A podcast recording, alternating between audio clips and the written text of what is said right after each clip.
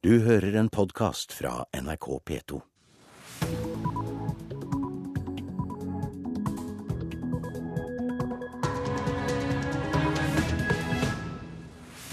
Velkommen til Nyhetsmorgen. Klokka er 6.30. Programleder i dag Anne Jetlund Hansen, og dette er hovedsakene våre. Brustadbuas tid kan snart være over. Arbeiderpartiet vurderer om også store butikker skal få holde åpent på søndager. I dag starter rettssaken på Gjøvik, der fem personer er tiltalt for å ha mishandlet både egne og andres barn. Saken er svært omfattende, sier bistandsadvokat for seks av barna, Ida Helene Bråstad Balke. Det er jo ganske sjelden at det er så mange tiltalte og så mange fornærmede inne i én og samme straffesak. Det ble mer heder og ære til filmen 'Amor' i Storbritannia i går. Den norske filmen 'Hodejegerne' nådde ikke opp i kampen om filmprisen BAFTA.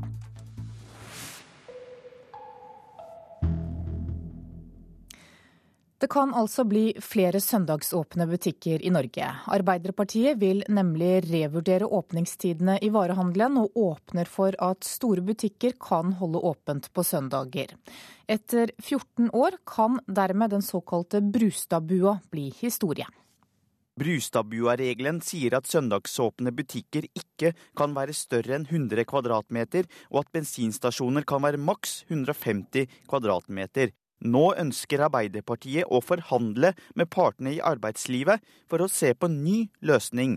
LOs førstesekretær Trine Lise Sundnes er glad for dette, men håper også at samtalene kan føre til bedre rettigheter for arbeidstagerne innenfor varehandel, sier hun til VG. Reporter var Mario Torres. Formuesskatten er viktig for distriktene. Det sier leder i Senterpartiet, Liv Signe Navarsete. Nesten alle som betaler formuesskatt, bor i byer og sentrale strøk. og Derfor vil det være distriktsfiendtlig å fjerne den, sier Navarsete. Verdiskapingen skjer i hele landet, men eierskap og formuer hoper seg opp i sentrale strøk. Senterpartiet har studert tall fra Statistisk sentralbyrå. 85% av dem som betaler formuesskatt, bor i sentrale strøk. Derfor bidrar formuesskatten òg til geografisk utjamning, i tillegg til at den selvsagt bidrar til sosial utjamning. Det siste er noe alle har fått med seg. Navarsete bommer fullstendig. Sier Høyres nestleder Jan Tore Sanner. Høyre vil fjerne hele formuesskatten. Formuesskatten bidrar til en utarming av distriktene, og rammer særlig små og mellomstore bedrifter i Distrikts-Norge. Jeg mener det betyr noe at uh, eieren har uh, et, en nærhet til bedriftene og arbeidsplassene, og derfor vil en nedtrapping av formuesskatten bidra til å styrke Distrikts-Norge. Men Navarsete står på sitt, og i dag skal hun snakke mer om dette på landsstyremøtet i Senterpartiet. Jeg har fått en aha-opplevelse, innrømmer hun. Ja, vi har faktisk det. Derfor vil det å fjerne formuesskatten slik Høyre ønsker, det å ta den helt bort, rammer distriktene dobbelt. Det svekker geografisk utjamning, og vi får mindre penger til å bruke på nettopp distriktspolitikk, samferdsel, innovasjon og nyskaping i hele landet. Reporter her var Hans Jørgen Solli, og det blir debatt mellom Senterpartiet og Høyre om formuesskatten i Politisk kvarter i P2 klokka kvart på åtte. I dag starter rettssaken på Gjøvik, hvor fem personer er tiltalt for å ha mishandlet egne og andres barn. I alt har ni barn og én voksen status som fornærmet i saken.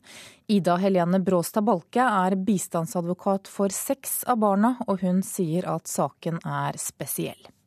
Altså Det er en omfattende sak. da. Det er jo ganske sjelden at det er så mange tiltalte og så mange fornærmede inne i én og samme straffesak. Det sier Ida Helene Bråstad Balke, som er bistandsadvokat for flere barn som skal ha blitt mishandlet av voksne med tilhørighet til det norsk-somaliske miljøet på Gjøvik. Det er sånn politiet ser det, så, så mener politiet å kunne bevise omfattende, langvarig vold mot små barn, begått av deres nærmeste omsorgspersoner.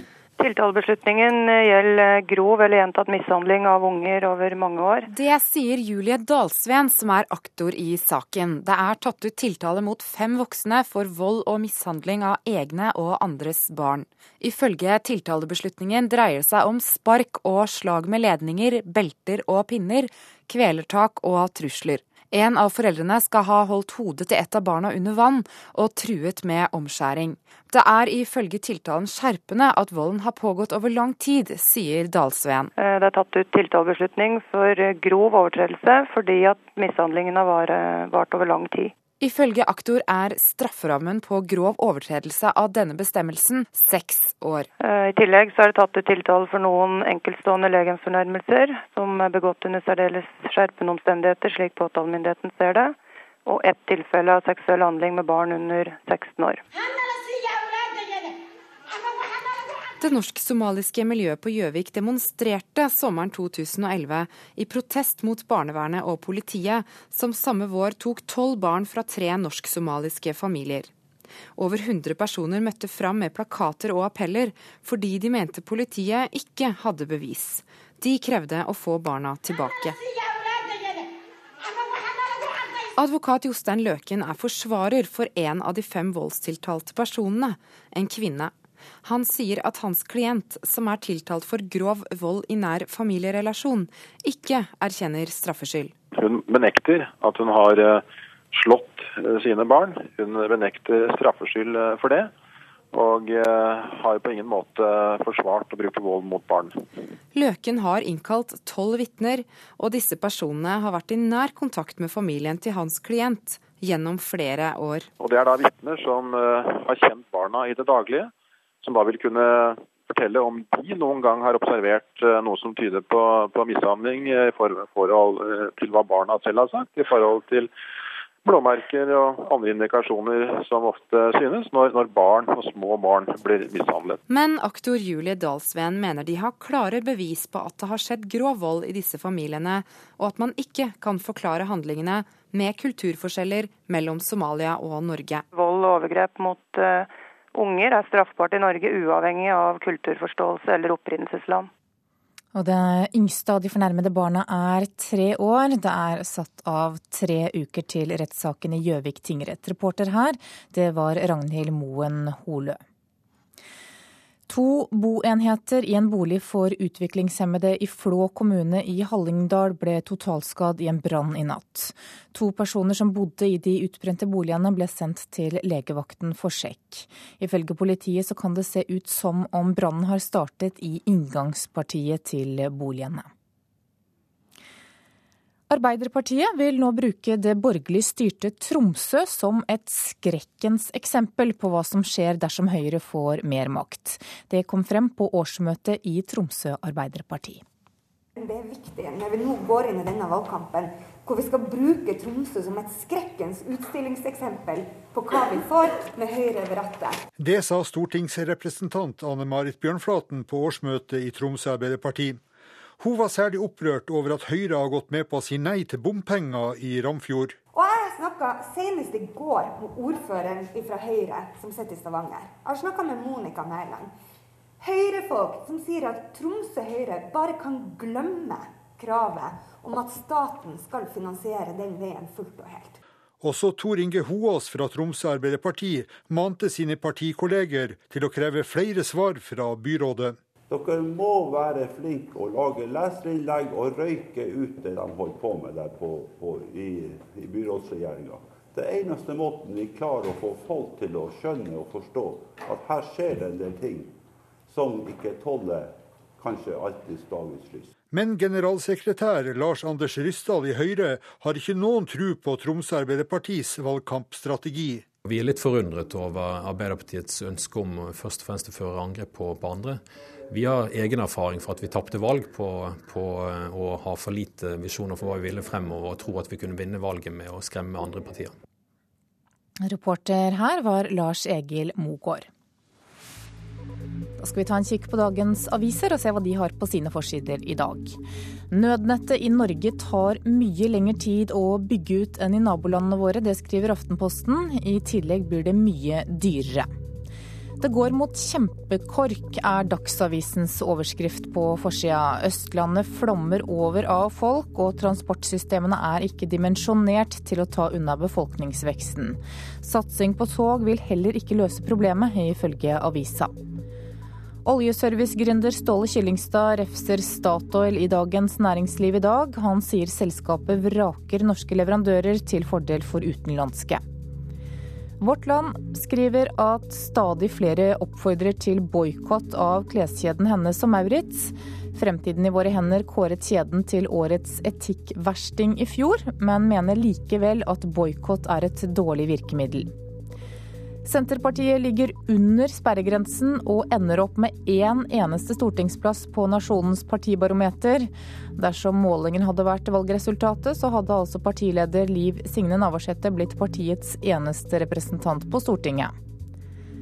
Kommuner lever godt på hytteskatt, det skriver Bergens Tidende. På bare fire år så har tallet på kommuner som har innført hytteskatt blitt doblet. Og på Voss så innrømmer ordføreren at hytteskatten er avgjørende for å få hjulene til å gå rundt. 40% av elevene i videregående skole får stipend, det skriver Finansavisen. Og det betyr at nesten halvparten av norske elever bor i hjem med særlig svak økonomi. Totalt så blir det utbetalt over 1,1 milliard kroner i denne ordningen. Klassekampen slår fast at homoekteskap splitter kirken. Når bispemøtet samles i dag, så får de lagt frem en utvalgsrapport med delt innstilling om vigselsliturgi for folk av samme kjønn som vil gifte seg i kirken. Stavanger Aftenblad har vært på strippeklubb i Sandnes, og for 1000 kroner så får du være med på bakrommet, skriver avisa. Nå vurderer kvinnegruppa Ottar å saksøke kommunen. VG har sammenlignet priser på matvarer, og konklusjonen er at Rema slår Kiwi landet rundt. Lars Monsen er ustoppelig, det skriver Dagbladet. Nå skal han ut på nye eventyr, og nå venter blodslit og beinharde utfordringer. Da skal vi ha sport her i Nyhetsmorgen.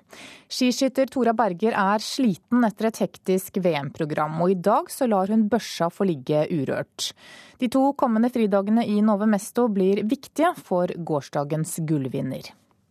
Eh, nei, det er litt å få litt ja, legge litt det som heter skiskyting, litt til sides. Og så få litt fri, og for å klare å skape overskudd til det som skjer videre i mesterskapet.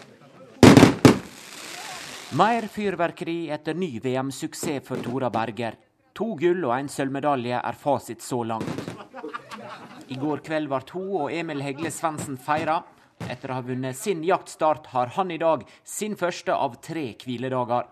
Det blir viktig å komme seg på, på hugget igjen, spesielt uh, mentalt. Jeg føler ikke meg så veldig sliten sånn, sånn fysisk. Så, så er jeg på stigende formkurve, kjenner jeg går. Går fortere og fortere for hvert løp. så Eh, så, så det, det, er jeg ikke bekymra for, men uh, mentale trenger å lades litt nå. Hegle Svendsen har tre gull av tre mulige. De tøffe løypene i Tsjekkia krever at trønderen virkelig hviler kroppen før avslutningshelga.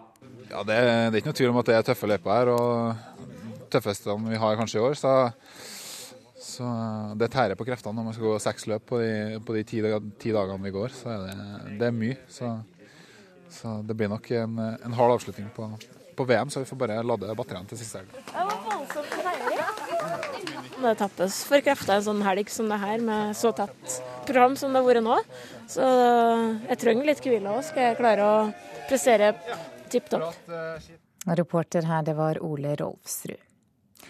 Aksel Lund Svindal frykter slalåmdelen av dagens kombinasjonskonkurranse i alpin-VM. 30-åringen har vunnet denne øvelsen i de to siste verdensmesterskapene og var suveren i lørdagens spesialutfor.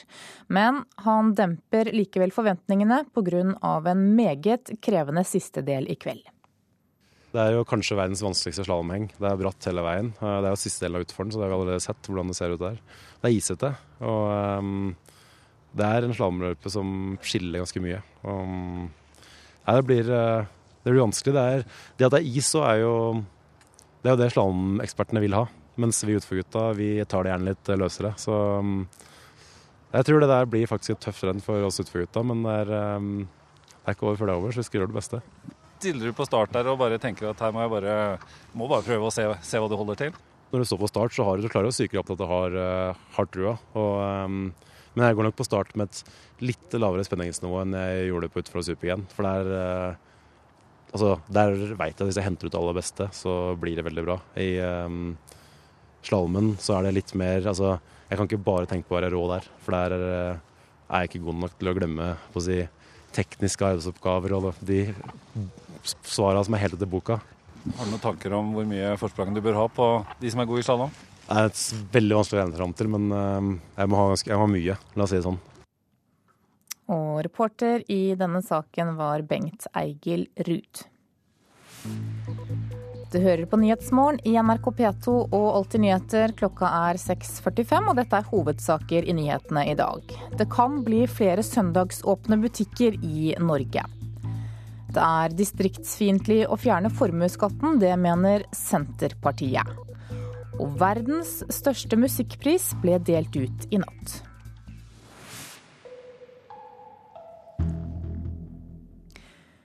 I morges har det vært en ny kraftig eksplosjon i den maliske byen Gao.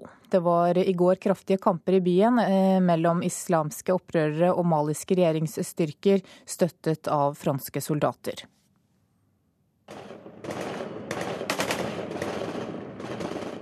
Bare en uke etter at de islamistiske opprørerne var jaget ut av den nordøstlige byen Gao, var de i helgen tilbake.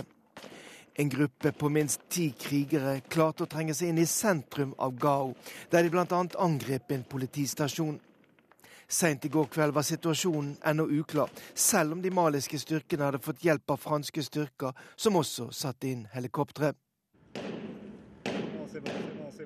Det er bare noen uker siden franske styrker hjalp de maliske regjeringsstyrkene til å ta tilbake Gao og flere andre av de store byene nordøst i Mali. Denne delen av landet hadde da i snart ett år vært delvis kontrollert av flere islamske opprørsbevegelser, som ønsker å innføre et strengt religiøst regime i denne delen av Vest-Afrika. Opprørerne trakk seg ut av de store byene nesten uten kamp da de franske styrkene gikk inn i konflikten. Men helgens hendelser i Gao viser at de fremdeles er i stand til å slå tilbake. Flere selvmordsbomber har angrepet militære kontrollpunkter ved Gao, og også nå i dag tidlig er det altså meldt om eksplosjoner i denne ørkenbyen med nærmere 100 000 innbyggere. Og det sa utenriksmedarbeider Morten Jentoft. Handikapidretten sliter med rekrutteringen. Ragnar Anundsen i handikapidretten i Porsgrunn mener dataspill må ta mye av skylden for problemene. Og nå håper Anundsen at flinke trenere vil få flere unge med på trening.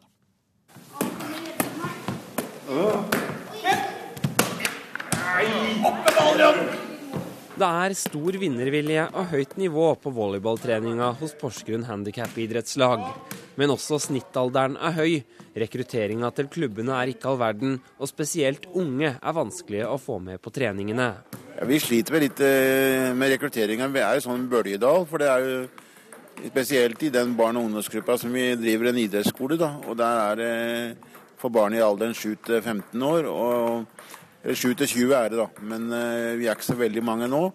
Og det, jeg tror det er veldig mange funksjonshemmede barn og unge som uh, kunne ha godt av å tatt en tur hit og trena litt en gang i uka, istedenfor å sette seg foran PC-en, tror jeg veldig mange syns er mer behagelig. Det sier Ragnar Anundsen, leder i Porsgrunn handikapidrettslag. Men det er ikke bare i Porsgrunn at rekrutteringa er dårlig. I hele landet sliter idrettslagene med å rekruttere funksjonshemmede.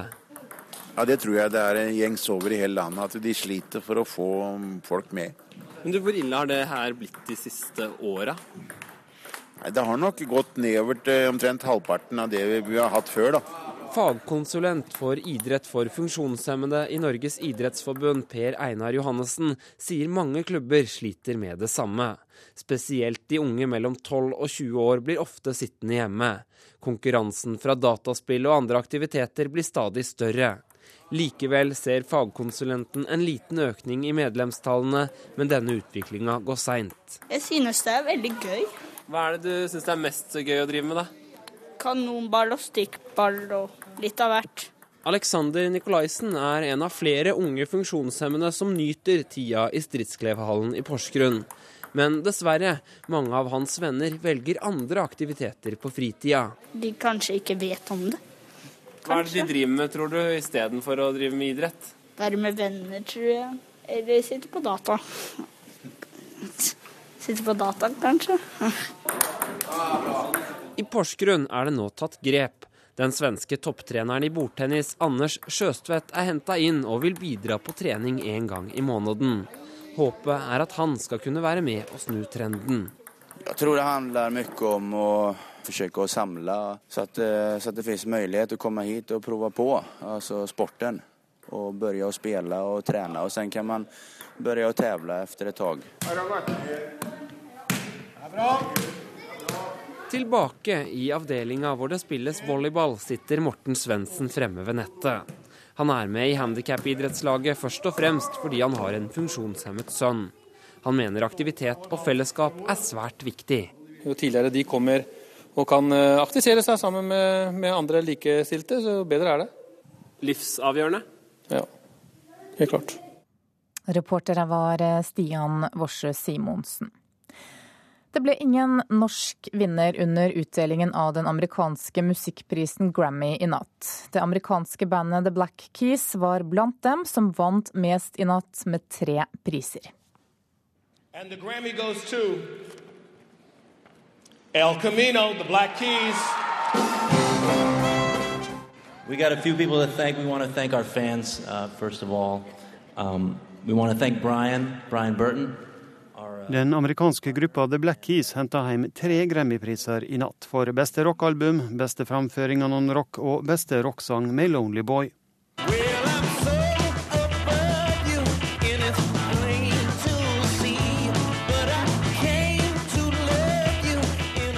Andre som fikk med seg tre priser i natt, var duoen JC og Kanye West, Gottay med Kimbra og Skrillex.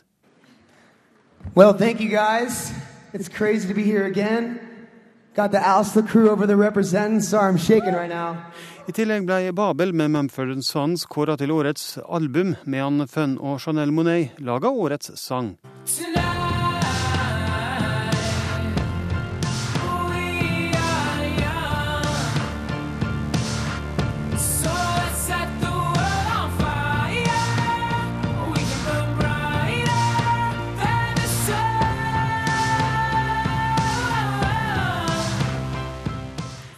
I år var det to norske plater nominerte til Grammy. Morten Lindberg var nok en gang nominert med ei innspilling av Trondheim-solistene i eh, kategorien Beste gjennomførte klassiske plate.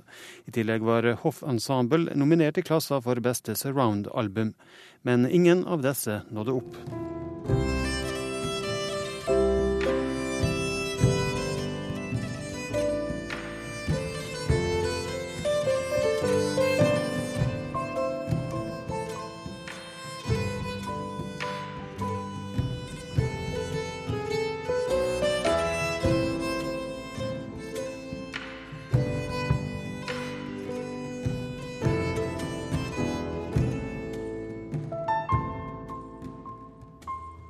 Slutt her så hørte du Hoff Ensemble og Annbjørg Lien fremføre en blånissekveld fra platen som var nominert i klassen for beste surround-album. Og reporter, det var Espen Alnes.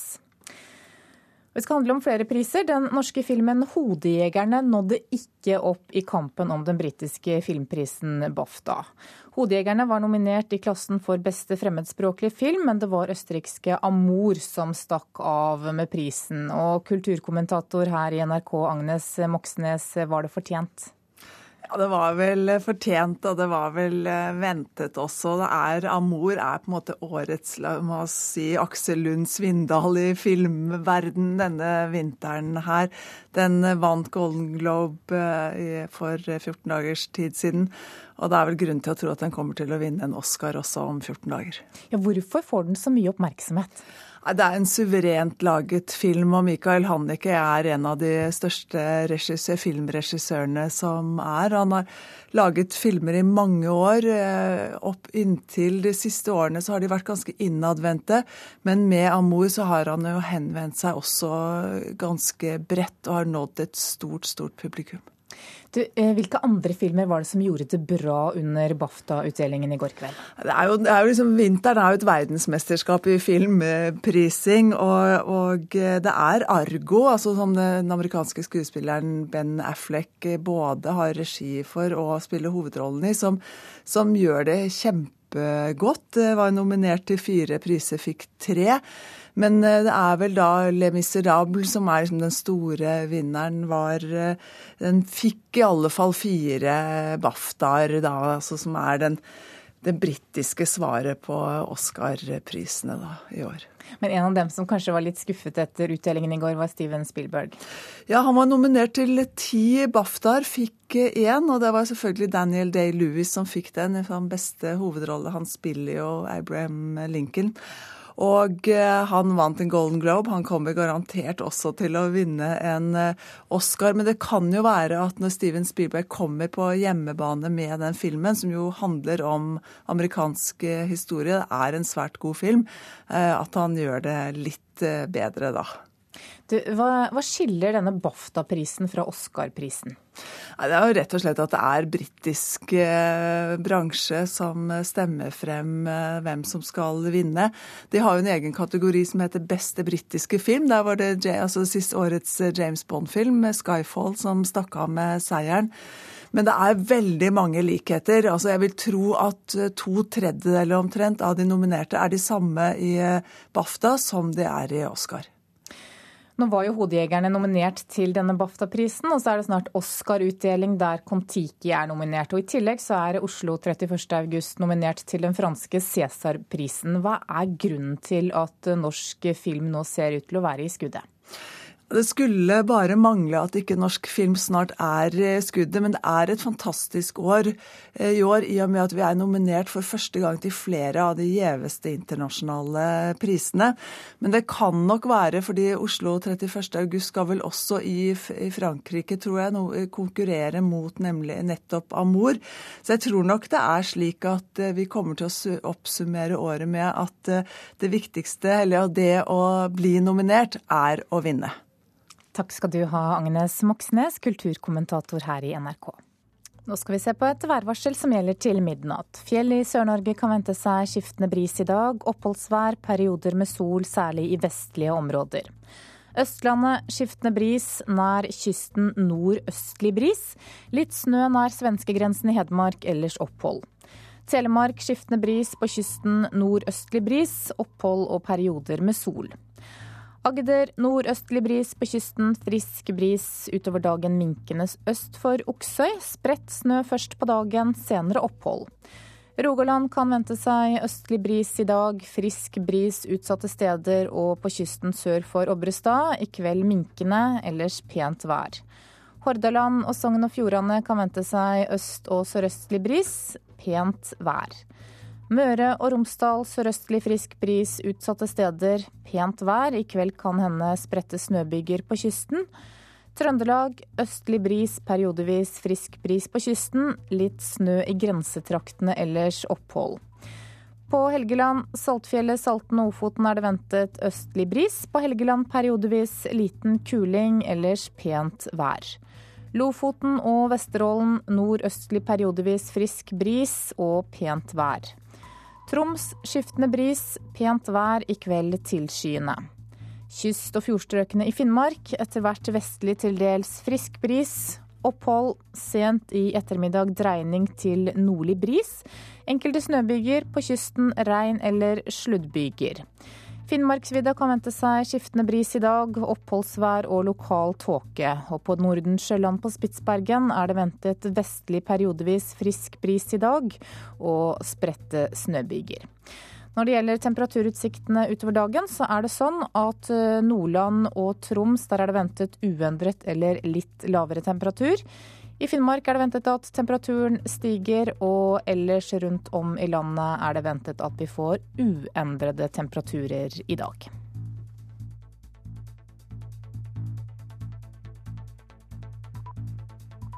Du hører en podkast fra NRK P2.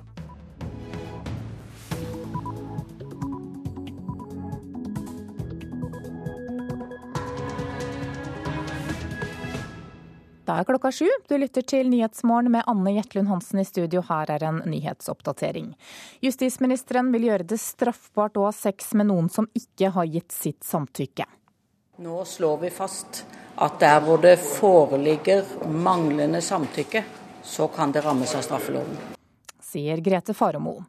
Lokalpolitikere har for lite greie på skolepolitikk, det mener mange rektorer. Blant annet så er vi jo pålagt eh, leksehjelp første til fjerde trinn. Der ser vel jeg at ressursene har blitt eh, bedre forvalta og brukt i hvert fall kanskje da på femte til sjuende trinn isteden. Sier rektor Jan Tilseth Larsen. Brustadbuas tid kan snart være over. Arbeiderpartiet vurderer om også store butikker skal få holde åpent på søndager. I Tunisia fortsetter den politiske krisen etter drapet på opposisjonspolitiker Chokra Belaid. Den sekulære og venstreorienterte opposisjonen demonstrerer den ene dagen, og islamistene vil vise at de ikke er noe dårligere den neste. Og rekordmange høyt utdannede utlendinger vil jobbe i Norge.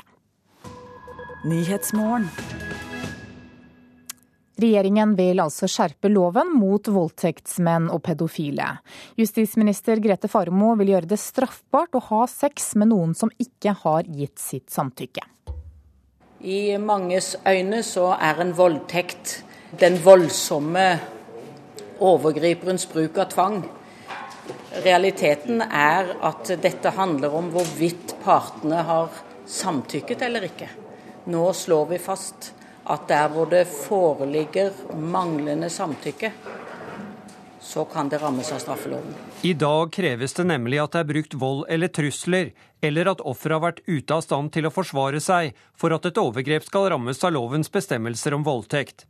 FNs kvinnediskrimineringskomité har derfor bedt Norge om å endre loven, som heller ikke er i tråd med Europarådets konvensjon på området.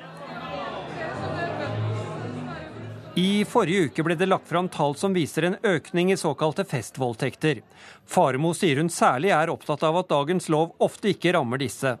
Når vi har så mange festrelaterte overgrep, hvor eh, også eh, det kan ha vært nytta rusmidler, så kommer det veldig tydelig fram at vi må være helt tydelige på dette med samtykke.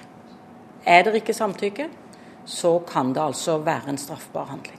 I dag blir saker som gjelder drap og overgrep mot barn, foreldet etter 25 år. I høringsnotatet foreslår regjeringen også, som tidligere varslet, å fjerne disse reglene. Dette er eh, noen av de mest alvorlige kriminelle forhold som finnes. Og eh, derfor bør de ikke foreldes. Jeg sier det vel vitende om at eh, det kan både være vanskelig å bevise, for beviskravene skal gjelde. Og det kan også være slik at eh, den enkelte lovbryter selvsagt eh, må ha et behov for å kunne gjøre opp for seg.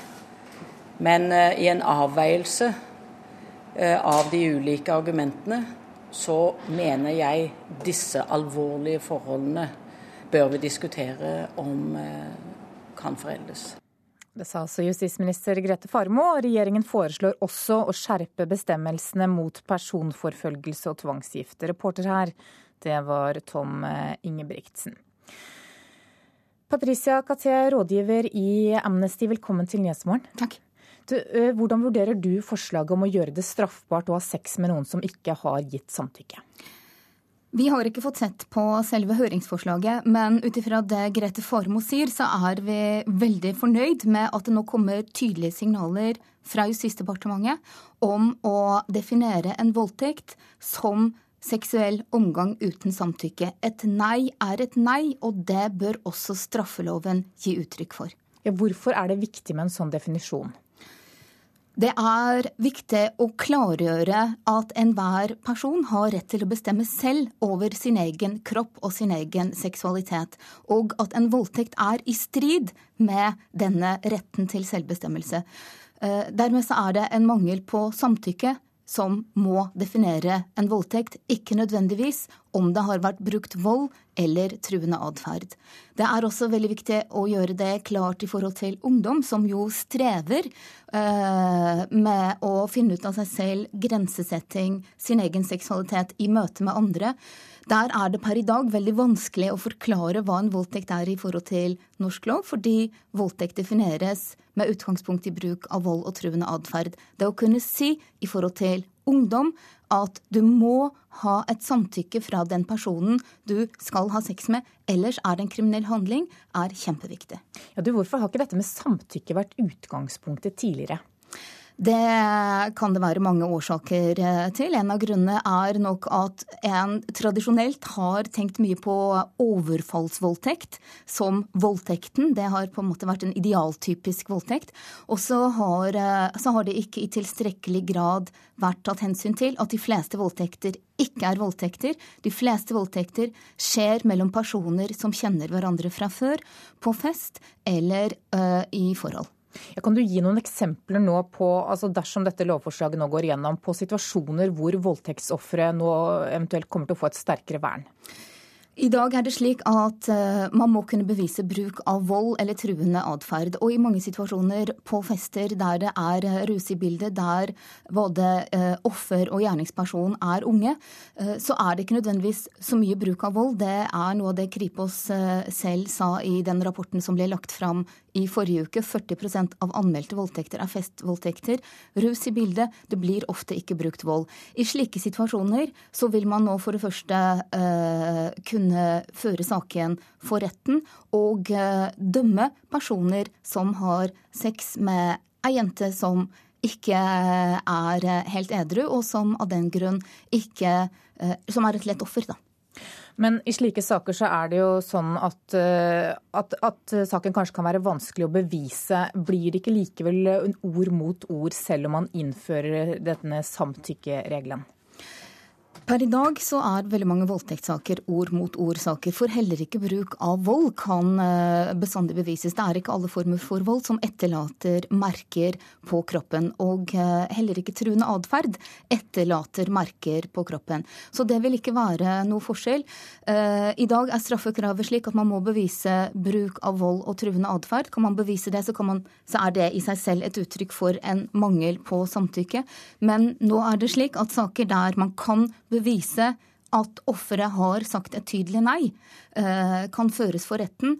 Og også i slike saker så vil man nå kunne få en fellende dom. Men det viktige her er ikke bare å få flere overgripere dømt. Det viktige her er at straffeloven fastslår at et nei er et nei. Det er et viktig signal å sende ut for å forebygge og unngå voldtekter. Takk skal du ha for at du kom til Nyhetsmorgen, Patricia Katé i Amnesty. Norske soldater har gjennom flere år drevet våpenopplæring av de sivile afghanerne som var ansatt av Forsvaret, det skriver VG. En 27 år gammel afghansk tolk sier at han fikk sitt eget automatvåpen til å bruke mot Taliban. Mannen har senere søkt om asyl i Norge, men søknaden er flere måneder forsinket, og mannen frykter både for sitt eget og for familiens liv. VG har intervjuet eh, flere norske offiserer som er opprørt over den manglende oppfølgingen 27-åringen og andre tolker får av norske myndigheter. Kommunepolitikere har for lite greie på hvordan skolene bør drives. Det mener mange rektorer, ifølge en ny undersøkelse. Samtidig er det få andre land der kommunene bestemmer så mye i skolepolitikken prosjekt så på å få til ekstra skøytebane ut her og nå. Jan Tilseth Larsen viser rundt på en snødekt uteplass med masse spor etter barnesko. Han har vært rektor ved Nidarvoll skole i Trondheim i åtte år. Det er greit å ha noen som står på barrikadene for å opprettholde areal for uteområdet. For det er noen som har en tendens til å si at ja, vi har for mye per elev. Rektoren opplever at politikerne noen ganger bestemmer litt for mye i detalj uten å vite nok. Du tilsetter ikke en snekker uten å ha råd til verktøy. Og Sånn gjelder jo for en lærerråd. Den må ha litt handlingsrom for å faktisk nyttiggjøre seg metodekompetansen en sitter på. Utdanningsforbundet har spurt et utvalg av norske rektorer hvor god kompetanse de mener kommunepolitikerne har på skolepolitikk. Mindre god eller dårlig, svarer 44% Litt færre er fornøyde. Og det kan tyde på at vi, vi driver en utdanningspolitikk i Norge som ikke er basert på eh, det faglige, men mer på eh, partipolitikk eller politisk overbevisning sier Steffen Handal, nestleder i Utdanningsforbundet. På ei av sidene i en tjukk rapport fra OECD står det at Norge ligger høyt oppe på statistikken av land der kommunepolitikerne bestemmer mest om hvordan ungdomsskolene skal drives. Skolene avgjør lite sjøl. Vi har jo sett eh, f.eks. at det er gjennomført forsøk enkelte steder med litt dårlige resultater. Og at man til tross for disse evalueringene som viser dårlige resultater, tvinger gjennom eh, permanente ordninger. Og da, eh, da vil jo ikke elevene tjene på dette. Det vil føre til dårligere skole, ikke bedre skole. Tilbake i Trondheim på kontoret til kommunalråd Jon Stene. Vi mener jo selvfølgelig sjøl at vi har ganske god eh, erfaring med skolepolitikken og skolekunnskapen. Mange av oss er jo gamle skolefolk. Han synes ikke at de styrer skolene i detalj.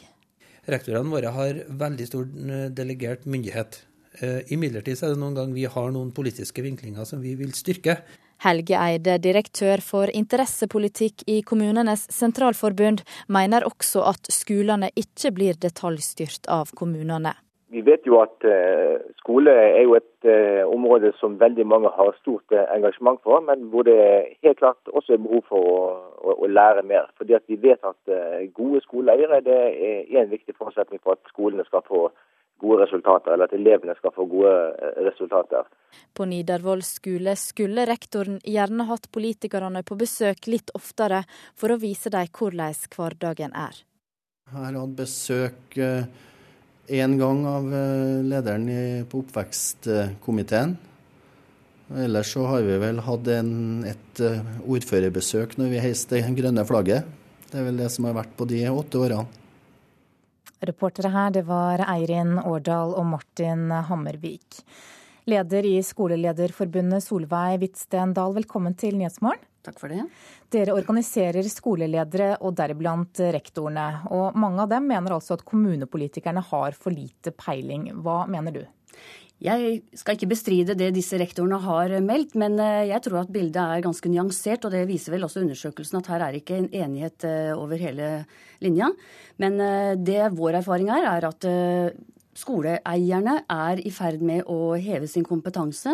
Det er eh, en god del eh, kommuner og fylkeskommuner som etter hvert nå setter i gang eh, skoleeierprogram, altså skoleeierutdanning, rett og slett skolering av sine politikere. Og der vi ser at dette er i gang og har blitt gjennomført, så ser vi en endring og opplever også at rektorene er veldig godt fornøyde med det. Så vårt ønske er i hvert fall at uh, her blir det en sånn nasjonal dugnad hvor skolepolitikerne får, uh, eller politikerne får skolering. Men hva bør vi forvente at kommunepolitikerne kan om skolen som de skal fatte beslutninger for? Det de må vite, er jo hva Altså innholdet i dette programmet er for så vidt veldig mye det som vi mener at de må vite. De må vite uh, hva som skal til for å oppnå gode resultater i skolen. Det er klart Vi har større åpenhet om resultater, langt mer enn det vi hadde bare for få år siden. Og det har jo gjort noe med politikerne og deres for så vidt opplevelse av at her har vi et ansvar også for oss å skulle se på innhold i skolen, ikke bare skolestruktur og skolebygg, sånn som man kanskje har vært vant med. Men hva de skal kunne? Jo, de må vite nok til å kunne fatte gode beslutninger, og nok til å gi skolene og skolelederne eh, handlingsfrihet og, og, ressurser og rammevilkår for å kunne gjøre de eh, valga på skolen som er nødvendig. Men vi mener vel at skolepolitikerne behøver ikke så langt innafor skoleporten.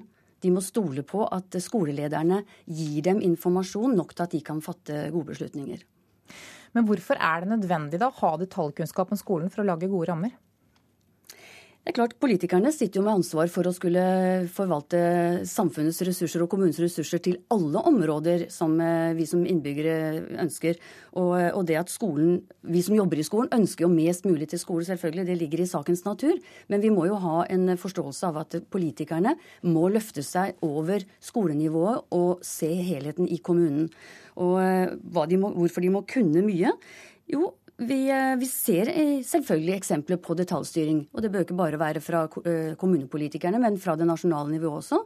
At man har noen kortsiktige ønsker om å få til ting i skolen som man da ønsker å få implementert, eller forventer at skolene skal ta opp i seg. Og skolen har vel vært prega av litt sånn kenguruvirksomhet i de siste årene, hvor nye politikere har en eller annen ambisjon om at dette vil vi gjennomføre, mens eh, skolene trenger ro, forutsigbarhet. Endringer må ikke komme over natta. Den forståelsen opplever jeg vel at eh, skoleeierprogrammene forsøker å gi politikerne. De må gi ro. De må gi lederne i skolen en eh, grad av forutsigbarhet og ha et langsiktig perspektiv på det arbeidet som gjøres. Det, det tror jeg vel kanskje er det beste rådet jeg kan gi til politikere. Takk for at du kom til Nyhetsmorgen, leder i Skolelederforbundet Solveig Hvitsten Dahl. Det er klokka 7.16, og du hører på Nyhetsmorgen i NRK P2. Dette er hovedsakene i dag. Regjeringen vil skjerpe loven mot voldtektsmenn og pedofile. Arbeiderpartiet vurderer om også store butikker kan holde åpent på søndager. Brustadbuas tid kan snart være over.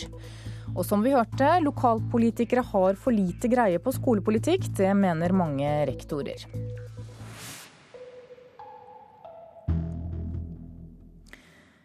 I Tunisia så fortsetter den politiske krisen etter drapet på opposisjonspolitiker Chokra Belaid. Partiet til presidenten har trukket seg fra den sittende samlingsregjeringen, og statsministeren har ennå ikke blitt enig med sitt parti om en ny regjering. Og også denne helgen så har det vært demonstrasjoner i gatene. Det begynner å bli et mønster i Midtøsten. Den sekulære og venstreorienterte opposisjonen demonstrerer den ene dagen og islamistene vil vise at de ikke er noe dårligere den neste. Så også i Tunisia, der tilhengere av det regjerende Nhada-partiet i helgen samlet seg i sentrum av hovedstaden Tunis. Demonstrantene mente de hadde rett til å styre, og ville ikke at statsminister Hamadi Jebali fra det samme partiet forfølger sine planer om å danne en ny regjering bestående av teknokrater. Og så skyldte de på tidligere kolonimakt Frankrike. I går demonstrerte de utenfor den franske ambassaden. Denne demonstrasjonen uttrykker det tunisiske folks vilje, og viser at vi er uavhengige og ikke under fransk beskyttelse lenger, sa en demonstrant til nyhetsbyrået AP. Noen av demonstrantene mente også at Frankrike støtter den sekulære opposisjonen, og dermed et mindretall i landet. Demonstrasjonen ble organisert fordi den franske innenriksministeren Manuel Valls fra Sosialistpartiet tidligere uttrykte bekymring for det han kalte den islamistiske fascismen i land som Tunisia og Egypt. Uken som kommer vil bli avgjørende for Tunisia. Drapet på opposisjonsleder Shukri Belaid har kastet landet ut i den alvorligste krisen siden oppstanden som styrtet president Sine Benali for nå over to år siden. Det er det første politiske drapet på årtier, og gjør nå at det er frykt for mer politisk vold. Særlig fra ytterliggående islamistiske krefter. I tillegg er det en politisk krise som gjør at folk nå spør seg hvem det er som styrer landet. Det dominerende partiet, Enhada, avviste egen statsminister blankt. Men han har sagt han ikke vil gi seg og fortsatt forsøke å danne en ny regjering. Det meldes om krisemøter internt i partiet, som er det største i nasjonalforsamlingen. Det presses både fra sentrum og venstre, men utfordres også fra salafistene på ytre høyre og deler av partiets eget grunnfjell, som altså var ute i gatene i helgen. Enken etter den drepte Belaid har skyldt på regjeringspartiet for drapet. Det nekter all medvirkning. Enken ba i går om politibeskyttelse for seg og sine døtre. Tunisia har fram til nå vært det fredeligste av landene som har gjennomgått politiske omveltninger her i Midtøsten. Spørsmålet nå er om det vil vare. Sigurd Falkenberg Mikkelsen, Kairo. Minst 36 mennesker mistet livet etter at det brøt ut kaos ved en jernbanestasjon nord i India. Stasjonen var full av folk som ville feire hinduenes religiøse festival Kumbh Mela. Skottland blir en helt ny stat dersom skottene velger selvstendighet fremfor fortsatt å være en del av Storbritannia. Britiske eksperter konkluderer med at dersom Skottland stemmer for selvstendighet, blir landet ikke del av traktater eller medlemskap de nå er medlem av gjennom Storbritannia. Et selvstendig Skottland må søke om medlemskap i bl.a. FN, EU, Nato, Det internasjonale pengefondet og Verdensbanken, ifølge ekspertene. Rekordmange høyt utdannede utlendinger søker om å få godkjent utdanningen sin i Norge. Pågangen er særlig stor fra østeuropeiske land.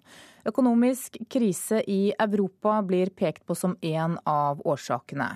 Gabriella Ståla har lærerutdanning fra Romania og vil bli barnehagepedagog i Os i Hordaland.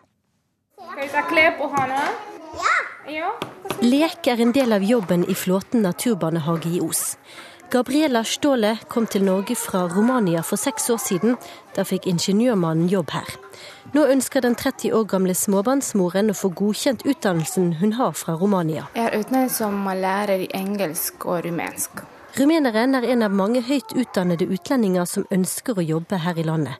Nasjonalt organ for kvalitet i utdanningen NOKUT fikk rekordmange henvendelser i fjor. Det sier avdelingsdirektør Stig Arne Skjerven. Det er tre yrkesgrupper som, eh, som topper vår statistikk. Eh, det er personer som har bakgrunn fra økonomifag. Det er personer som har bakgrunn fra ingeniørfag. Men vi ser også veldig høye tall med bakgrunn fra lærerutdanninga. I fjor behandlet NOKUT rekordmange søknader, over 5000. Tallet har bare steget de siste årene, og i år ventes en ytterligere økning. Land i Øst- og Sentral-Europa topper lista. Det er stort behov for høyt utdannet arbeidskraft i Norge. Det sier regiondirektør i NHO Tom Knutsen. Det har vel kanskje også noe med å gjøre at det går eh, godt i Norge. Eh, og så sier jo mange av de som har flerkulturell eh, bakgrunn, at det er ikke alltid eh, like enkelt. Gabriella Ståle trives godt med å jobbe i barnehage. Dersom hun får godkjent utdanningen sin fra Romania, vil hun videreutdanne seg og bli barnehagepedagog. Jeg har bestemt meg å bli her i Norge. Jeg, jeg, jeg bare vil jobbe til min utdanningsnivå. Reporter var Siri Løken. Om lag 20% av de som søker å få godkjent høyere utdanning fra utlandet, får avslag. Da skal vi ta en kikk på dagens aviser og se hva de har på forsidene sine. Nødnettet i Norge tar mye lengre tid å bygge ut enn i nabolandene våre, skriver Aftenposten, og i tillegg så blir det mye dyrere. Det går mot kjempekork, er Dagsavisens overskrift på forsida. Østlandet flommer over av folk, og transportsystemene er ikke dimensjonert til å ta unna befolkningsveksten. Satsing på tog vil heller ikke løse problemet, ifølge avisa. Oljeservicegründer Ståle Kyllingstad refser Statoil i Dagens Næringsliv i dag. Han sier selskapet vraker norske leverandører til fordel for utenlandske. Vårt Land skriver at stadig flere oppfordrer til boikott av kleskjeden Hennes og Maurits. Framtiden i våre hender kåret kjeden til årets etikkversting i fjor, men mener likevel at boikott er et dårlig virkemiddel. Senterpartiet ligger under sperregrensen og ender opp med én eneste stortingsplass på Nasjonen og Klassekampens partibarometer. Dersom målingen hadde vært valgresultatet, så hadde partileder Liv Signe Navarsete blitt partiets eneste representant på Stortinget, skriver Nasjonen. Kommuner lever godt på hytteskatt, det skriver Bergens Tidende. På bare fire år har tallet på kommuner som har innført hytteskatt blitt doblet, og på Voss så innrømmer ordføreren at hytteskatten er avgjørende for å få hjulene til å gå rundt. 40% av elevene i videregående skole får stipend, skriver Finansavisen. Og det betyr at nesten halvparten av norske elever bor i hjem som er definert med særlig svak økonomi. Totalt blir det utbetalt over 1,1 milliard kroner. Klassekampen slår fast at homoekteskap splitter kirken. Når bispemøtet samles i dag, så får de lagt fram en utvalgsrapport med delt innstilling om vigselsliturgi for folk av samme kjønn som vil gifte seg i kirken. Stavanger Aftenblad har vært på strippeklubb i Sandnes, og for 1000 kroner så får du være med på bakrommet, skriver avisa. Nå vurderer kvinnegruppa Ottar å saksøke kommunen. VG har sammenlignet priser på matvarer, og konklusjonen er at Rema slår Kiwi landet rundt. Lars Monsen er ustoppelig, skriver Dagbladet. Nå skal han ut på nye eventyr, og dermed venter blodslit og beinharde utfordringer.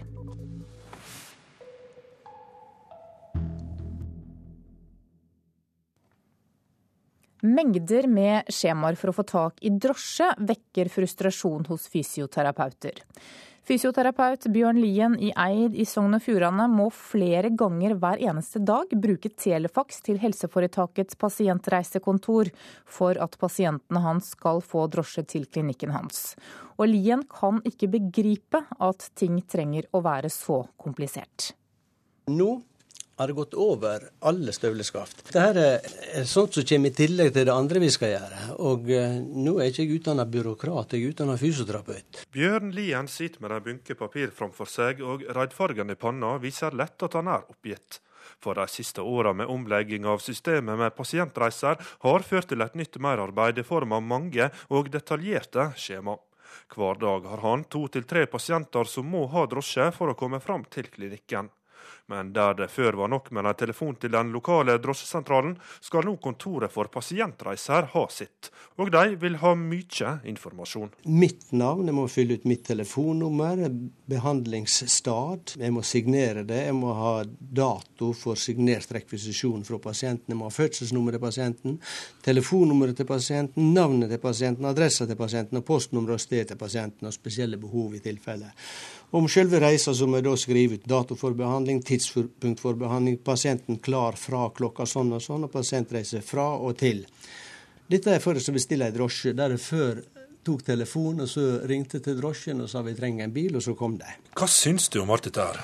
Jeg syns det er borti staur og vegger. Jeg er lamma over at ikke folk har reist seg i flokk og protestert mot galskapen. Lien sier kritikken ikke går på de ansatte ved pasientreisekontorene, men til et system som han mener har gått for langt. Dette her det må da fakses. Nå trodde vi var ferdig med fakstida, men eh, jeg må eh, sende dette her senest klokka 13 dagen før pasienten skal til behandling. Det var i januar 2010 at ordninga med automatisk frikort ble innført.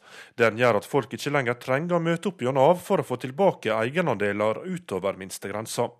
Men da måtte også pasientreisekontor over hele landet legge om sine system, og kravene fra disse kontorene har igjen ført til merarbeid for enkelte.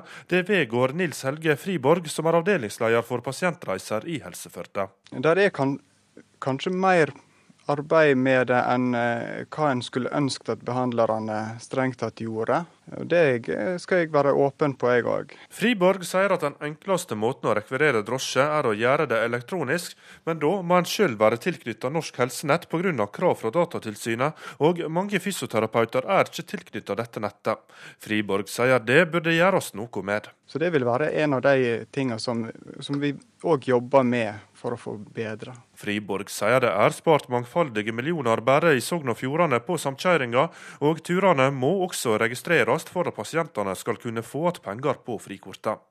Men Bjørn Lien mener ting kunne vært gjort enklere. Tidligere var det nok med en enkel telefon og et langt mindre skjema. Hvis vi nå stilte med blanke ark, så kan ikke jeg fatte og begripe hvordan en skulle finne på en sånn løsning som en står med i dag. Jeg ser poenget hans. Og vi satt og behandla i, i Helse Førde ca. 30 000 reiser for året.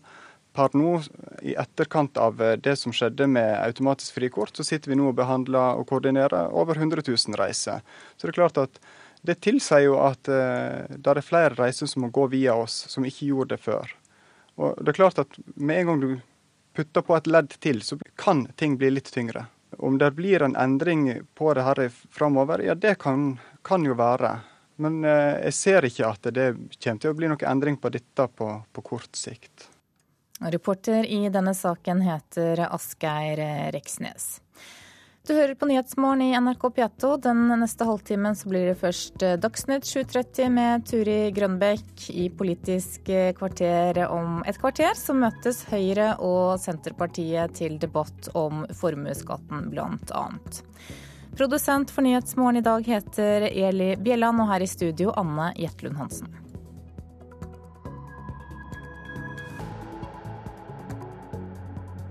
Du hører en podkast fra NRK P2.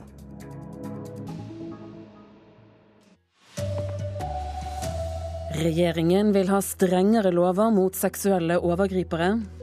Lokalpolitikere har for lite greie på skolepolitikk, mener rektorer. Og Brustadbua kan bli historien. Arbeiderpartiet vurderer å la også store butikker ha søndagsåpent. Riktig god morgen, her er NRK Dagsnytt klokken 7.30. Det må bli strengere lover mot voldtektsmenn og pedofile, mener justisministeren.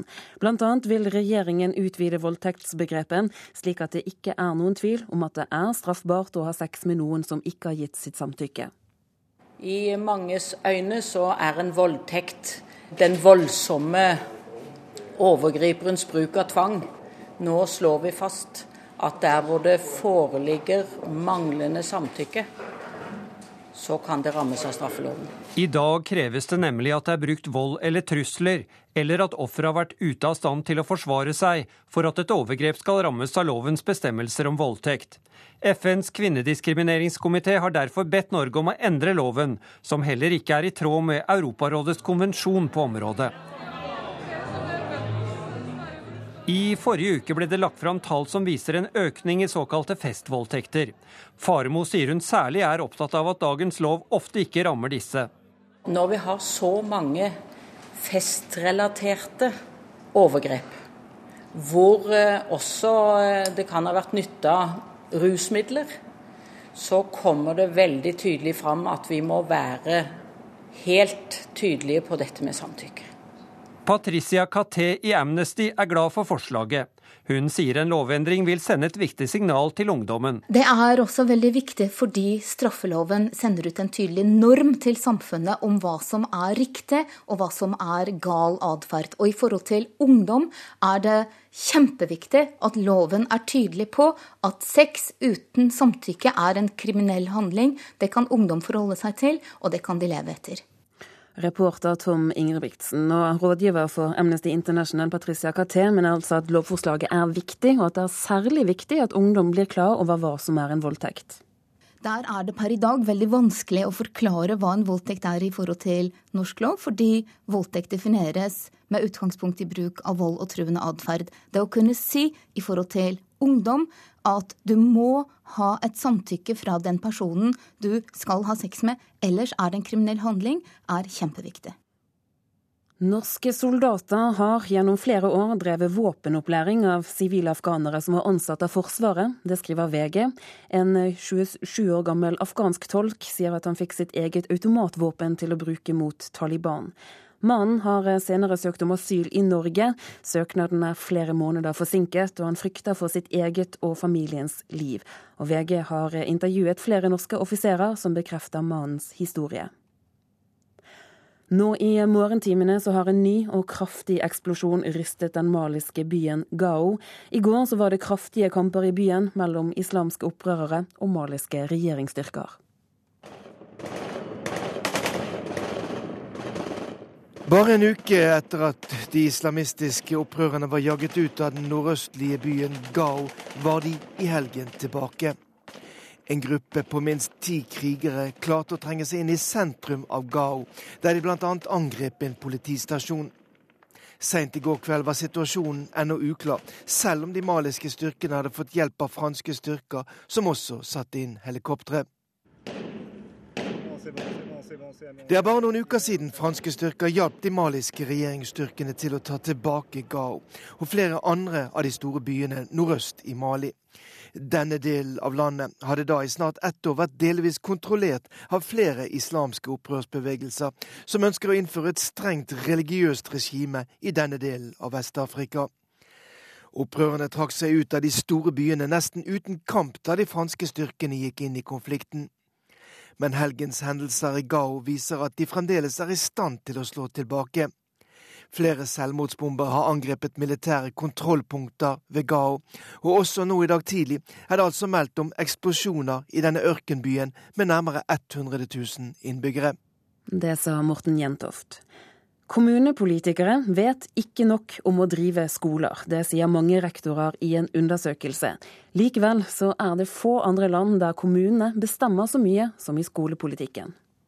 Det er greit å ha noen som står på barrikadene for å opprettholde areal for uteområdet. Jan Tilseth Larsen viser rundt på en snødekt uteplass med masse spor etter barnesko. Han har vært rektor ved Nidarvoll skole i Trondheim i åtte år, og opplever at politikerne noen ganger bestemmer litt for mye i detalj, uten å vite nok. Eh, blant annet så er vi jo pålagt eh, leksehjelp første til fjerde trinn.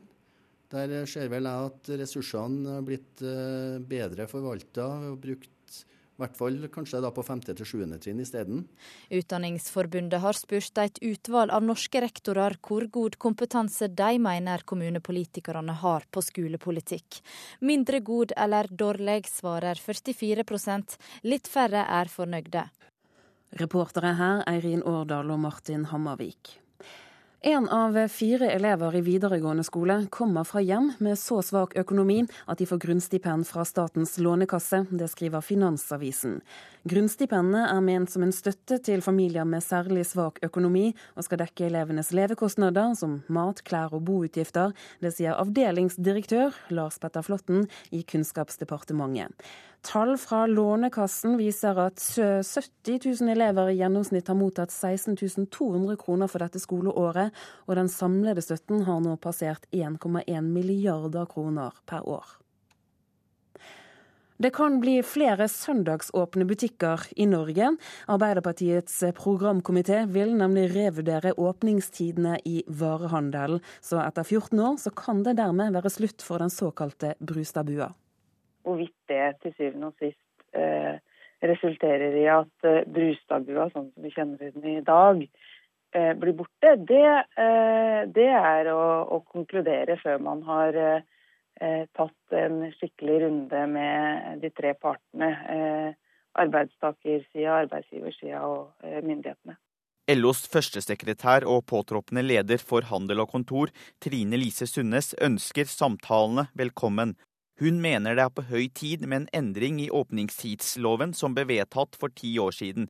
Jeg mener det er eh, viktig her å sørge for at ansatte får det samme vernet som alle andre arbeidstakere. Når åpningstidsloven ble fjerna i 2003, så sikra man ikke samtidig ansatte i denne sektoren medbestemmelse på lik linje med andre arbeidstakere. Og nå er det på høy tid at eh, vi får på plass et system hvor de også har mulighet til å påvirke sin egen arbeidstid, sånn som alle andre har. Reporter var Mario Torres. Formuesskatten er viktig for distriktene, sier Senterpartiets leder Liv Signe Navarsete. Nesten alle som betaler formuesskatt bor i byer og sentrale strøk, og derfor er det distriktsfiendtlig å fjerne den, mener Navarsete. Verdiskapingen skjer i hele landet, men eierskap og formuer hoper seg opp i sentrale strøk. Senterpartiet har studert tall fra Statistisk sentralbyrå. 85% av dem som betaler formuesskatt, bor i sentrale strøk. Derfor bidrar formuesskatten òg til geografisk utjamning, i tillegg til at den selvsagt bidrar til sosial utjamning. Det siste er noe alle har fått med seg. Navarsete bommer eh, fullstendig. Sier Høyres nestleder Jan Tore Sanner. Høyre vil fjerne hele formuesskatten. Formuesskatten bidrar til en utarming av eh, distriktene, og rammer særlig små og mellomstore bedrifter i Distrikts-Norge. Reporter Hans Jørgen Solli, og dette blir det debatt om i Politisk kvarter på NRK P2 klokken kvart på åtte. Det ble ingen norsk vinner under utdelingen av den amerikanske musikkprisen Grammy i natt. Både Trondheim-solistene og Hoff Ensemble ble nominert til den gjeve musikkprisen. Dette ble kåret til årets sang.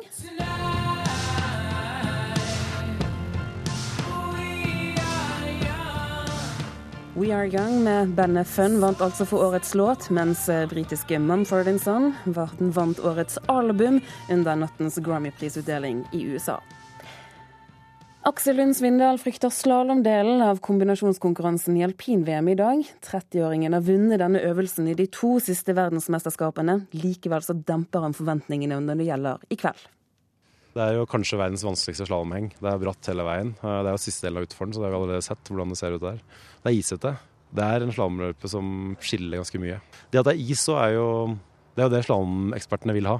Mens vi utforgutta, vi tar det gjerne litt løsere. Så jeg tror det der blir faktisk et tøft renn for oss utforgutta, men det er, um, det er, ikke over før det er over, så vi skal gjøre det beste. Det sa Aksel Lund Svindal. Ansvarlig for denne sendingen var Anne Skårseth. Det tekniske ansvaret har Hanne Lunås hatt, og her i studio Turi Grønbekk. Klokka er 7.40 og Nyhetsmorgen fortsetter. USA har fått ny utenriksminister denne uka. En mann etter åtte år med Condoleezza Rice og Hillary Clinton. Og det hadde ikke gått påtroppende John Kerry hus forbi. Here's the big question before the country and the world and the State Department after the last eight years. Can a man actually run the State Department? Den 69 år gamle krigsveteranen har 28 års fartstid fra Senatet, der han bl.a. har ledet utenrikskomiteen. Han er dermed godt nok skodd til jobben, selv om hælene ikke blir så høye som de har vært. Goes. Kanskje var det enklere for Condoleezza Rice, som for åtte år siden etterfulgte en mann, Colin Powell, Generalen som ble politiker, men som var så diplomatisk innstilt at haukene i Bush-regjeringen spilte ham ut over sidelinjen. Det er ingen tvil om at USAs til enhver tid sittende utenriksminister leder supermaktens diplomatiske apparat. Problemet er at det svært mange andre gjør, har stor og noen ganger større innflytelse på verdensopinionen enn det utenriksministeren har. Abu Ghraib og Guantánamo, eller for å gå tilbake i historien, Grisebukta og My Lai, hefter ved USAs renommé. Men overgrep og overtramp, eller hemmelige aksjoner og wet operations, som de til tider kalles, de sorterer sjelden under USAs utenriksdepartement. Fra forsøket på å forgifte Castros sigarer til mordet på Che Guevara, fra avrettingen av Patrice Lumumba til kuppet i Chile, det er ikke USAs utenriksminister som har frontet disse operasjonene. Dette er den mørke baksiden av medaljen. For State Department har andre oppgaver, er USAs ansikt utad, og fører den aktive utenrikspolitikken som forholder seg til folkeretten, internasjonale konvensjoner, og som representerer diplomati og dialog. John Kerry har mye å gripe fatt i. America does exceptional things, and we must continue to do those things. The world depends on us. Og skal han leve opp til forventningene, blir det ikke mye tid til å sitte på kontoret. De seks foregående utenriksministrene i USA har i alt foretatt 1334 utenlandsreiser på de rundt 1200 ukene som er gått siden murens fall, ifølge Washington Post. 90 av dem har vært til Israel, og 61 til Egypt, hvilket sier mye om hva som har vært viktig i amerikansk utenrikspolitikk de siste årene. Skjønt, og på den annen side, Warren Christopher var 34 ganger i Israel på sine fire år som Bill Clintons utenriksminister, mens Hillary Clinton besøkte Israel kun fem ganger. What we've tried to do over the last four years is get up every day have a clear eyed view of what's going on in the world. And I'm really proud of where we are. John Kerry har selv staket ut en kurs og trukket frem soft power som satsingsområder, altså matsikkerhet, energisikkerhet og miljø, som skal være positive verdier i amerikansk utenrikspolitikk, i motsetning til droner og waterboarding.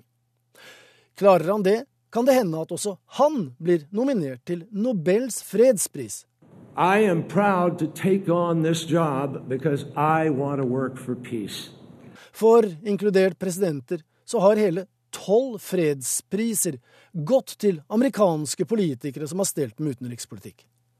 Så på den bakgrunn, kanskje én av John Kerrys mange fremtidige reiser vil bli til Norge.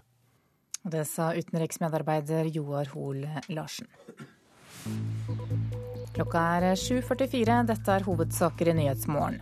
Regjeringen vil skjerpe loven mot voldtektsmenn og pedofile, og vil gjøre det straffbart å ha sex med noen som ikke har gitt sitt samtykke.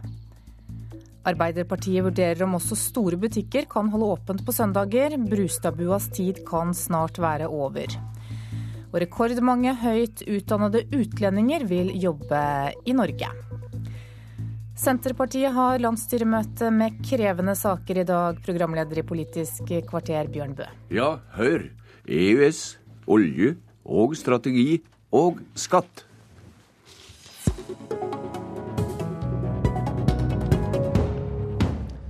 Velkommen i studio, leder i Senterpartiet Liv Signe Navarsete. Tusen takk. I dag samler du landsstyret ditt, og samtidig får du ei svært dårlig meningsmåling i Fleisen i Nasjonen og Klassekampen. Hva sier du til landsstyret ditt om ståa? Til landsstyret mitt eh, vil jeg si at meningsmålinga går opp og ned. Vi hadde nylig en måling på 6% i TV 2. Eh, målinga kommer og går. Det er valget som betyr noe den 9. september. Og det som vi skal gjøre nå, det er å jobbe beinhardt fram til valget og vise hva forskjell Senterpartiet betyr i norsk politikk, og hvor viktig det er at vi kan fortsette som et vitalt parti og i regjering. Det er bare litt over 200 dager til valget, og det skal drøfte strategi i dag. Er, fremles, er du fremdeles like trygg på at det er framholdet av det rød-grønne samarbeidet skal gå til valg på? Ja, det er jeg eh, trygg på. Eh, og jeg er trygg på at eh, landsmøtet kommer til å, å si det, fordi at eh, en ser hva vi har fått utretta i de snart åtte årene vi har sittet i regjering. Eh, vi har fått gjennom viktige saker. Vi har fått et samferdselsløft. Vi har fått løfta distrikt, landbruk. Vi har vært tydelige på kommuneøkonomi, som betyr at alle i dette landet, enten en er eldre eller har barnehageunger eller skoleunger, Eh, får òg en bedre hverdag med bedre kvalitet på tjenesten. Senterpartiet har vært viktig på viktige områder, og det blir vi òg i framtiden. I dag skal deres eget EØS-utvalg presentere sin tilråding om hvordan Senterpartiet skal håndtere EØS-spørsmålet framover. Himmelen over tilrådinga er at Norge må si opp EØS-avtalen som før, holdt på seg. I hva grad vil Senterpartiet drive mollvarparbeid under avtalen framover? Senterpartiet driver aldri moldvarparbeid, men vi kommer til å holde fram en eh, debatt om EØS eh, og om de ulike direktiv, og hvordan EØS påvirker eh, vårt demokratiske system. Men vi har sagt at den plattformen som vi gikk til valg på både i 2005 og 2009, Eh, den står fast, altså at EØS vil være grunnlag òg for den neste eh, rød-grønne regjeringa til høsten. Kjenner du det som at all uklårleik mellom Senterpartiet og Arbeiderpartiet om EØS er rydda bort etter lojalitetserklæringa, om vi skal kalle det det, i slutten av januar? Nå har ikke vi gitt noen lojalitetserklæring. Vi har gjentatt det som har vært gjeldende i snart åtte år, så det skulle ikke være så stor uh, overrasking det. Eh, men vi kommer til å fortsette å diskutere EØS. Og vi har betydd en stor forskjell i forhold til EØS. For nå har vi en helt annen debatt. Før var, EØS nei, var veto utenkelig.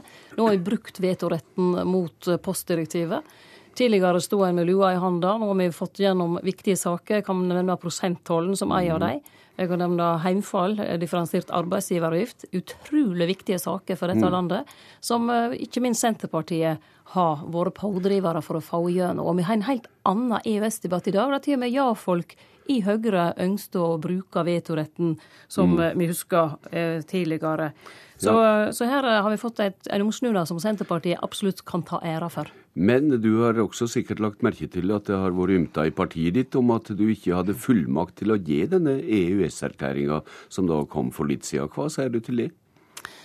Eh, til det sier jeg at når det gjelder spørsmål om medlemskap, eh, søknad til EU, eh, medlemskap i Nato og EØS-avtalen, så var det spørsmål som var framforhandla mellom de tre partiene òg før landsmøtet i 2005. Mm. De, har der, de tre elementene har ligget der hele veien. Eh, og, og tro at vi skal begynne å rive opp det som har vært fundamentet for regjeringen. Mm. Eh, det, da må i så fall landsmøtet ta en diskusjon om eh, regjeringssamarbeid. Ja, men hva tenkte du på da du sa til Nasjonen 28.1, jeg siterer, nei, jeg kan ikke bekrefte at S-Senterpartiet ikke vil kreve en reforhandling av avtalen, sitat slutt. Da ønsker jeg at vi skulle ha en EØS-debatt uh, som vi skal ha i dag, uh, og at vi etterpå skulle, skulle komme med den erklæringa som jeg kom med tidligere. Men ettersom media laga dette til en svær konfliktsak, så fant jeg at det var ingen grunn til å avvente det. som jeg Stats, egentlig hadde tenkt. Statsministeren tykte tydeligvis ikke at det du var sitert på nettopp, var spesielt klart? Nei, det kan så være, men eh, statsministeren vet hele veien hva Senterpartiet har ligget i denne saken. Liv Signe Navarsete, Arbeiderpartiet ser ut til å gå inn for konsekvensutgreiing av oljevirksomhet ved Lofoten, Vesterålen og Senja. Hva mener du om det i dag? Det skal jeg eh, si litt mer om i talen min senere i dag. Eh, men når det gjelder Lofoten og Vesterålen, så mener jeg at det er gode grunner for at eh, nett de områdene skal vi være særlig varsomme med. Uh, og det vil jeg si som sagt om mer om i talen min i dag, ja, det, og det skal landsstyret få høre først.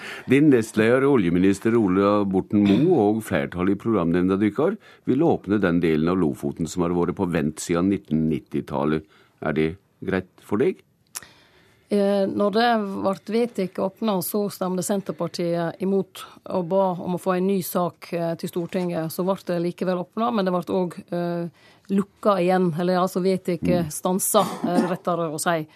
Eh, så der ligger en, en konsekvensutgreiing som er 20 år gammel. Og når jeg ser på hvordan reguleringsplaner og andre planer i kommunene går ut på tid etter ganske få år, Eh, så tenker jeg at kanskje ikke det er riktig å åpne det på grunnlag av en 20 år gammel konsekvensutredning. Uh, men vi skal diskutere dette mer på mm. landsstyremøtet i dag. Det har vært mye snakk om at det nå ligger til et kompromiss i partiet. Men det er ikke rett at deres politikk er et kompromiss. Det er boring det er snakk om, sa Venstre-leder Trine Skei Grande i helga. Sjansene for boring øker med rød-grønn styring, mens Kristelig Folkeparti og Venstre vil hindre det dersom den andre blokken vinner valget, mener hun. Det som har vært situasjonen i både forrige og i denne stortingsperioden, det er at Senterpartiet sine landsmøtevedtak knytta til Barentshavet og Lofoten og Vesterålen har blitt regjeringens politikk. Det er jo ikke riktig at det er SV sitt eh, forslag som vant fram, for de vil ha varig vern. Det var vårt forslag om å ikke uh, ha aktivitet i Lofoten og Vesterålen i denne perioden som vant fram. Uh, så når landsmøtet har gjort sitt vedtak, og så får vi avvente hva det blir, Eh, så mm. tror jeg det òg ligger an til å bli et kompromiss. Men eh, om det er det som er såkalla kompromissforslaget, det må da partiet diskutere. Hvor store spenninger mellom vekst og vern kjenner du på at det er i partiet ditt nå? Senterpartiet er et parti som er tufta på langsiktig vern og forvaltning av naturressursene. Det er det som ligger virkelig i både ryggrad og blodomløpet vårt. Eh, og det vil alltid være et, et spenn en spenning mellom hvor mye og hvordan en skal utnytte de naturressursene, eh, og hvor mye en skal, skal la ligge til seinere generasjoner. Og det er jo nett det dette handler om òg. Eh, I tillegg til eh, konflikten til fiskeriressursene, de evigvarende ressursene.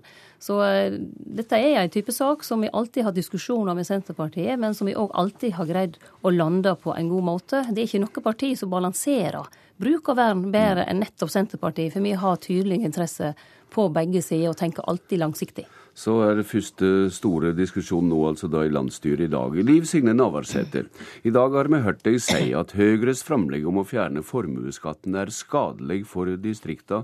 Hva, hva er dette? Hvis en ser på hvordan formuesskatten eh, fordeler seg, eh, så vet vi at eh, det skjer en stor verdiskaping langs kysten, ikke minst fra Telemark og, og nordover og vestover. Vestlandet står for stor andel av eh, verdiskaping, og ikke minst eh, de mindre kommunene. Det har jeg òg eh, tall for her. Men ser en på hvor formuesskatten blir betalt, så er det i stor grad i det sentrale strøk. 85% så mye som det blir, går inn fra sentrale strøk. For eierskapen er mer ulikt fordelt. Og det er jo, det er jo ikke slik at formuesskatten går på bedrifter, det går jo på, på eierne som, som betaler. Eh, så hvis en fjerner hele formuesskatten, som Høyre, Frp og Venstre tar til orde for, så vil det òg ha en negativ effekt eh, i forhold til eh, distrikt, sentrum. Men hvis en har gjort som Senterpartiet ønsker, enten fjerner den på arbeidende kapital, eller øker bunnfradraget ytterligere, som vi har gjort mye nå, så har vi allerede halvert antall selvstendige næringsdrivende som betaler formuesskatt, og 500 000 færre nordmenn gjør det i dag enn de gjorde i 2005. Ja, Hva er den geografiske fordelingseffekten av at Senterpartiet har gått inn for å fjerne formuesskatt på arbeidende kapital, altså driftsbygninger og traktorer og slike ting? Ja, det er ikke bare driftsbygninger og traktorer. Det handler selvfølgelig om maskinutstyr, uh, verksteder, uh, til de mindre bedriftene det har en helt annen profil. Eh, for de bedriftene ligger både i sentrale strøk, men òg rundt om i, i, hele landet. Så det vil ha en annen profil. Og det vil òg det vi nå har gjort i regjeringen, nemlig å løfte bunnfradraget. Eh, for det slår jo veldig sosialt godt ut, men det slår òg godt ut for, for, det mindre næringslivet, som ikke minst er mye rundt om i hele landet. Mm. Nestleder i Høyre, Jan Tore Sander, hvorfor vil det styrke formueeierne i sentrale strøk ved å fjerne formuesskatten helt? Tvert imot. Eh, det å trappe ned eh, formuesskatten det er en håndstrekning til gründere, til små og mellomstore bedrifter og arbeidsplasser i Distrikts-Norge. Det er formuesskatten som bidrar til sentralisering av makt. Og når jeg hører på eh, Liv Signe Navarsete, så lyder hun retorisk nå nesten som et ekko av Audun Lysbakken. Det er åpenbart at Senterpartiet har nå sittet for lenge i regjering sammen med SV. Poenget som, eh, som Senterpartiet åpenbart har glemt, det er at verdiene må skapes før de kan brukes. Hovedproblemet med formuesskatten det er to ting. Det ene er at det bidrar til en sentralisering av makt. Det andre er at det gir konkurransefortrinn til de multinasjonale selskapene og utenlandsk eh, eide bedrifter i Norge. Det er gründeren eh, i Sogn og Fjordane. Det er eieren i Brumunddal. Det er, eh, det er, familiebedriften i Ulsteinvik. Det er de som må betale formuesskatt ikke de multinasjonale selskapene eller de utenlandsk eide bedriftene i Norge. Så det Senterpartiet gjør, det er å, å, bli en forsvarer av de multinasjonale selskapene, og de straffer det norske eierskapet. Ja, altså du snur spørsmålet om fordelingsverkene aldeles på hodet, med andre ord? Ja, jeg gjør det fordi at eh, for de rike, som, eh, som Liv Signe Navarsete snakker om, som kanskje bor i Oslo, så er ikke formuesskatten et stort problem. Men for gründerne, for de mm. små og mellomstore bedriftene i Distrikts-Norge, så er formuesskatten en stor problem, og det gir som sagt et konkurransefortrinn til de utenlandsk eide bedriftene i Norge. Er det på hver deres planet når det gjelder å tolke røyndommen, Navarsete? Ja, Når det gjelder Høyre og formuesskatt, så kan en jo stille seg spørsmål om hvor de henter sin, sine fakta. For nå har jo Erna Solberg tatt i juks. Eh, VG og E24 har jo i flere tilfeller, enten det gjelder Ullvarefabrikk eller Norske distriktshotell eller gründeren Silje Vallestad, som òg Høyre har vært opptatt av, har vist at det har vært helt feil fakta. Eh, og at de bedriftene de har kikka på, faktisk har hatt eh, både gode overskudd, og at de har enten hatt samme antall ansatte eller økt antall ansatte. Og det er utviklingen i bedriften som er viktig. Eh, at eh, en har evner til å reinvestere. Når det gjelder gründere, mm. så, har, så, er de fantastiske folk, men det tar ofte en god tid før de kommer i hele tatt i eh, posisjon til å betale formuesskatt. For eh, det er ofte en del gjeld inne i bildet før eh, en kommer opp og stå som, som gründer. Og jeg òg er for at vi skal fjerne formuesskatten på arbeidende kapital. Mm. Eh, men ikke hele formuesskatten. For det er en så stor sosial skjevfordeling og en så stor geografisk skjevfordeling at det blir helt feil. Som ordstyrer Sander, så må jeg si at her hørte vi eh, skulling om juks, og det er vel på kanten av det parlamentariske når det gjelder omgrep? Ja da, eh, det tar, det tar ikke veldig, veldig, veldig, veldig, tungt. Vi kan gjerne gå inn i hvert enkelt av de eksemplene, men poenget er at Liv Signe Navarsete i regjering hun har doblet skatten på arbeidende kapital. Så hennes troverdighet i formuesskattedebatten, den er lik null. Eh, I 2005 så utgjorde formuesskatten på arbeidende kapital, altså den som rammer de små og mellomstore bedriftene og familieeide bedriftene i Distrikts-Norge, da utgjorde den 3,8 milliarder. I dag så utgjør den nesten 7. Så mens Liv Signe Navarsete har sittet i regjering, så har hun doblet skatten som rammer arbeidsplasser i Distrikts-Norge, også landbruket. Og jakten etter de aller rikeste, det har, det har de små og mellomstore bedriftene i, i Distrikts-Norge. Det har de følt på på kroppen, for det er de som har måttet betale en høyere formuesskatt. Navarsete, hvor viktig er formuesskatten i kampen om makta ved valget til høsten? Jeg må bare få ta en liten replikk til det som var sagt nå. Det selvfølgelig Sanner eh, ikke vil si, da, det er at eh, årsaken til at det blir mer formuesskatt nå, det er at næringslivet går veldig godt. Det blir skapt arbeidsplasser i en, en, hastighet vi knapt har sett før. Og to tredjedeler av arbeidsplassene som blir skapt, er i privat sektor. Det er god lønnsemd, og det går bra. Eh, det syns jeg Høyre skal være ærlig og innrømme, for det, det neglisjerer de i sin svartmaling, som selvfølgelig henger sammen med at alt eh, skal gjøres ille nå før valget. Liv Signe Navarsete, eh, veldig mye går bra i Norge, men det du ikke kan sno deg unna, det er at når du dobler skatten på arbeidende kapital, så rammer du norskeide arbeidsplasser, og du gir et konkurransefortrinn til de utenlandske bedriftene i Norge og multinasjonale selskaper. Og det overrasker meg at Senterpartiet i denne saken går i, i tospor med, med SV, og ikke, ikke stå på siden til, til norske gründere. Formuesskatten blir selvfølgelig betalt på grunnlag av uh, formuesgrunnlaget, og det formuesgrunnlaget har heldigvis auka veldig sterkt i Norge etter at Høyre kom ut av regjeringskontoret. Og i tillegg så er det altså 500 000 færre som betaler formuesskatt nå, enn da Sanner og hans regjering satt i posisjon. Takk til dere i denne omgang, Liv Signe Navarsete. Du må gå til landsstyret ditt. Og Jan Tore Sanner, du får gå til ditt virke for å få fjerna hele formuesskatten, går jeg ut ifra. Politisk kvarter er slutt. Jeg heter Bjørn Bø. Du har hørt en podkast fra NRK P2.